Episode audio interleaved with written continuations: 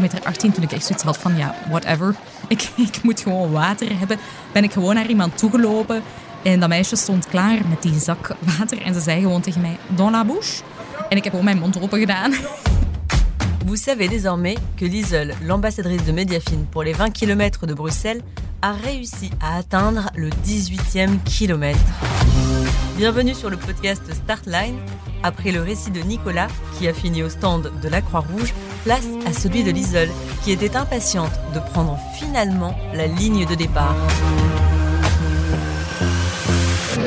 Ik zag er op zich wel zitten, maar ik maakte me ook wel wat zorgen om het weer. Ik kan echt niet zo goed tegen de warmte. Tijdens sporten speelt mij dat toch wel parten, die warmte. Vooral de zon dan, de zon echt in mijn gezicht hebben. En ik had gezien dat het gewoon een open hemel met zon ging zijn. Dus ik, ik had daar wel wat schrik voor. En dan ja, uiteraard ook mijn knie die altijd wel een beetje opspeelde. Mijn voet die een aantal weken voor de 20 kilometer um, wat overbelast was geraakt. En dus ook regelmatig pijn deed. Dus er waren zeker wel wat factoren waar ik mij zorgen om maakte, maar ja, waar ik op dat punt weinig aan kon doen.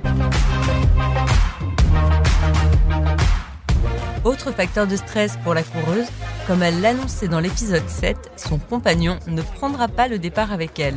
Une mauvaise entorse. 28 mai 2023, les ambassadeurs de Mediafin Moves se rejoignent près de la fontaine du cinquantenaire. Ik ben best wel nerveus.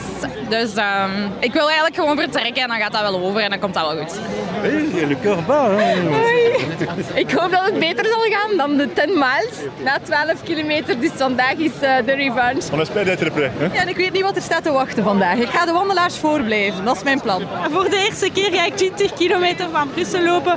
Beetje stress. Allez, non, tout va bien se passer. Il est 9h30 un peu passé, l'ambiance est déjà bonne. Het is heel veel volk, doet mij een beetje denken aan een festival. Uh, maar ik vind het heel leuk, dus uh, ik heb er zin in. Je suis trop énervé pour uh, le foot l'après-midi. C'est Anvers contre Union. C'est le plus beau jour de l'année, j'adore ce moment. Les petites excitations qui montent. Et puis ça démarre. La foule est dense, il est difficile de se déplacer. Tentez d'imaginer 30 000 coureurs essayant de rejoindre l'un des six boxes de départ, celui qui leur a été attribué en fonction de leur vitesse. Une fois dans les box, certains s'échauffent, d'autres sentent le stress monter et d'autres encore profitent de ces derniers moments de tranquillité. Plongez dans l'ambiance, prenez le départ, Liesel vous emmène avec elle.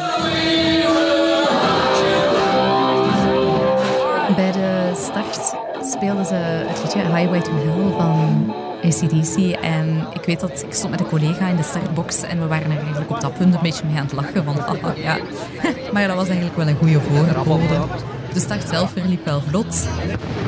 Er waren vrienden van mij die eigenlijk onmiddellijk al aan de start stonden om mij aan te moedigen. Dus dat was wel leuk. Ik wist dat ze er gingen zijn, maar niet precies waar. Dus het was wel heel leuk om hen te zien.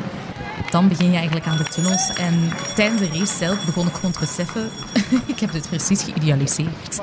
Um, ja, op de een of andere manier leken die hellingen toch steviger dan ik mij herinnerde. Leek het pittiger dan ik mij herinnerde. Goed, het was pittig, maar op het begin gaat dat dan wel nog goed. Je bent nog vrij fit, hè. Die tunnels op de Louisalaan, dat was allemaal in de eerste vijf kilometer. En ik merkte ook zeker wel een verschil met de vorige keer dat ik op de 20 kilometer van Brussel liep, maar dan maar 10 kilometer liep. Dat ik eigenlijk vanaf 5 kilometer al begon af te tellen naar het einde. Dat had ik nu eigenlijk helemaal niet. Dus dat verliep wel best vlot. Maar allee, de warmte is mij zeker wel al vrij snel parten beginnen spelen. Ik merkte dat mijn hartslag echt hoog was en dat ik die moeilijk naar beneden kreeg. Dan in Terkamerenbos was er een watergordijn. Ik wist dat nog van de vorige keer, dus ik was ook heel blij dat dat er opnieuw stond. Dus ik ben daar echt met volle oorgaven doorgelopen. En dat helpt ook wel eventjes om zo terug op temperatuur te komen. Maar dat wil niet zeggen dat de rest uh, niet nog steeds pittig was. Gelukkig stonden mijn man en een van mijn beste vriendinnen net voor de 10 kilometer eigenlijk, was dat ook wel echt een boost om eventjes van oké, ze zijn hier om mij aan te moedigen. Uh, mijn man zei ook van ja, jij lacht iedere keer keihard. Ik zeg ja, ik was gewoon heel om een bekend gezicht te zien. Tot daar is het eigenlijk vrij goed verlopen. Maar dan merkte ik wel zo eens de 10 kilometer voorbij dat het precies een pak trager ging.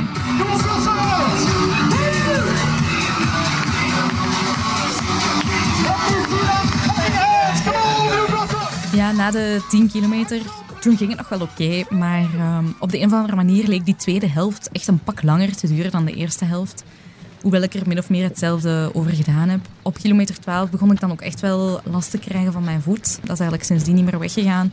Daarbij kwam dan op kilometer 17 denk ik ook nog eens mijn knie die dan zei van oeh, ik ben er ook nog. de laatste kilometers waren niet bepaald gezellig. Ik heb wel, ik denk ergens op kilometer 17, 18, was ik staag aan het verder lopen op de befaamde berg op, op de Tervuurlaan. En ik spotte uh, in de verte een van mijn uh, collega-ambassadeurs uh, die aan het wandelen was. En ik dacht, oh, ik ga haar aanmoedigen. En daarna kwam ze mij wel bijgebeend, dus ik denk dat mijn aanmoediging toch wel geholpen heeft. Maar die laatste kilometers waren denk ik voor haar en voor mij enorm zwaar. Was er echt een beetje te veel aan. Ik denk, als ik op kilometer 16 had kunnen stoppen, was stop geweest. Um, maar ja, je blijft dan toch gaan en op de een of andere manier blijven je voeten ook wel gewoon lopen. En dan was het wel nog een aangename verrassing om onze CFO te spotten op, ik denk, een van de laatste, allez, op de laatste kilometer. Um, ik wist niet dat ze er ging zijn. Ik heb haar gewoon opgemerkt uh, ergens uh, langs de zijlijn. En dat was wel heel leuk. Um, ik heb dan naar haar geroepen en zei, oh, foto, foto. Dus uh, dat was wel heel leuk om dan toch nog een bekend gezicht te zien net voor de finish, dat gaf toch zo'n beetje die laatste boost die op dat moment wel echt heel erg nodig was. Je moet toch op de een of andere manier aan die finish geraken. Dus nou ja, dan is het blijven gaan en uh, blijven vechten tegen de wil om eigenlijk te stoppen. je wil dan ook zo echt nog een beetje versnellen, maar dat ging amper op dat punt. Um, ik heb wel een beetje gedaan, omdat dat onnatuurlijk voelt om aan een normale snelheid over de finish te komen. Kom hier, hier is de medaille. Proficiat, maar ik was echt zo enorm blij toen ik over die finish was en gewoon kon stoppen met lopen. Drinken kon pakken en iets kon eten en gewoon ergens kon gaan zitten. Dus uiteindelijk heb ik 2,5 uur gedaan over het, uh, over het parcours, dus over de 20 kilometer. Iedereen zegt dat ik blij moet zijn. Even voor de duidelijkheid, dat was de allereerste keer dat ik 20 kilometer liep. Dus ik ben heel blij dat ik het heb uitgelopen, dat ik gewoon ben blijven lopen. Ik heb niet gewandeld, daar was ik heel blij van. Ik dacht gewoon blijven gaan, blijven lopen. En ik had allez, tijdens de race ook wel al door van oei, ik denk dat ik er niet ga geraken. In de zin van, coach Bart had, had mij eigenlijk ingepland om er twee uur en een kwartier over te doen. En tijdens de race had ik wel door van... Mm, dat gaat niet lukken. Ik, ik wilde daar ook niet te hard op focussen, omdat ik mezelf die druk niet wilde opleggen. Maar natuurlijk, ja, als je dan over de finish komt en je ziet dat je er eigenlijk wel ja, echt een stuk langer over hebt gedaan dan, dan gepland, dan ja, is dat wel zo'n beetje balen eigenlijk. Um, dat ik eigenlijk vroeger, drie, vier jaar geleden, um, vaak 10 kilometer onder het... Ja, dan is dit echt traag.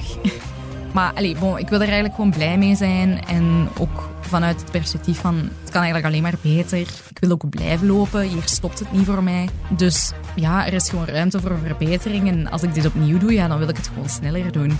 Ik kan wel zeggen dat ik het beste van mezelf heb gegeven. En ik denk dat ik daar wel trots op kan zijn en dat ik daar wel blij mee kan zijn. Dus gezien de warmte was er natuurlijk ook wel veel water nodig. Nu op zich waren ze daar wel op voorzien, op die hoeveelheid water. Maar het was wel duidelijk, omdat ik in een van de laatste waves zat, dat ze echt niet konden volgen um, met het water eigenlijk bij te vullen. Dus er stond al enorm veel water klaar, maar ze konden echt niet volgen. Wat er soms toe leidde dat ik volgens mij gewoon uit een, een beker heb gedronken waar al uit gedronken was. Maar ik op dat punt ook zoiets had van ja, ik moet drinken. Dus allee, hoe verder ik eigenlijk op het parcours geraakte, stonden de, de vrijwilligers eigenlijk gewoon met de zakken water. Dus dat zijn zo zakken waar dat zo'n tapkraantje aan zit. Stonden ze eigenlijk gewoon met die zak water klaar om mensen zo op die manier water te geven, om eventueel mensen hun beker bij te vullen, mensen die die beker hadden, hadden meegedragen.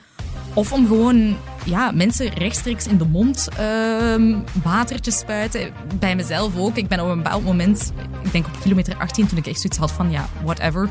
Ik, ik moet gewoon water hebben. Ben ik gewoon naar iemand toegelopen.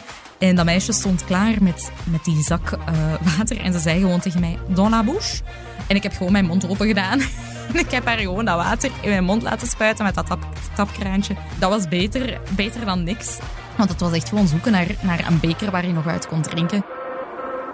Ik denk wat ik wel meeneem is dat ik nog altijd wel van nul ben gestart, zes maanden geleden. Um, dus dat dat zeker een van zelfsprekendheid is dat ik ja, dat je 20 kilometer kan lopen na zes maanden. Ik heb het uiteraard gedaan samen met mijn collega-ambassadeurs. Dus ik denk dat we er allemaal heel trots op mogen zijn en dat dat ook wel toont dat het mogelijk is.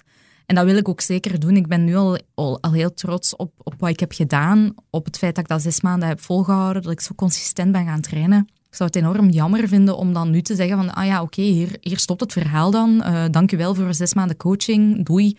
En ik stop dan nu met lopen. Ik zou dat echt super jammer vinden voor mezelf, voor de mensen die daar moeite en tijd in hebben gestoken om mij te coachen. Dus ik ga gewoon door. Um, en ik blijf ondertussen ook runs inplannen om mezelf te blijven motiveren. Liesel n'est pas prête de raccrocher ses baskets. Bravo à elle, qui a suivi avec application le plan de son coach Bart. Bravo à tous nos collègues de Mediafine qui ont participé également.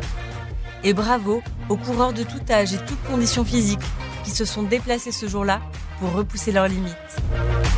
Merci à vous d'avoir écouté ce podcast jusqu'au bout. Startline est un podcast produit par Mediafine à l'occasion du plan Mediafine Moves.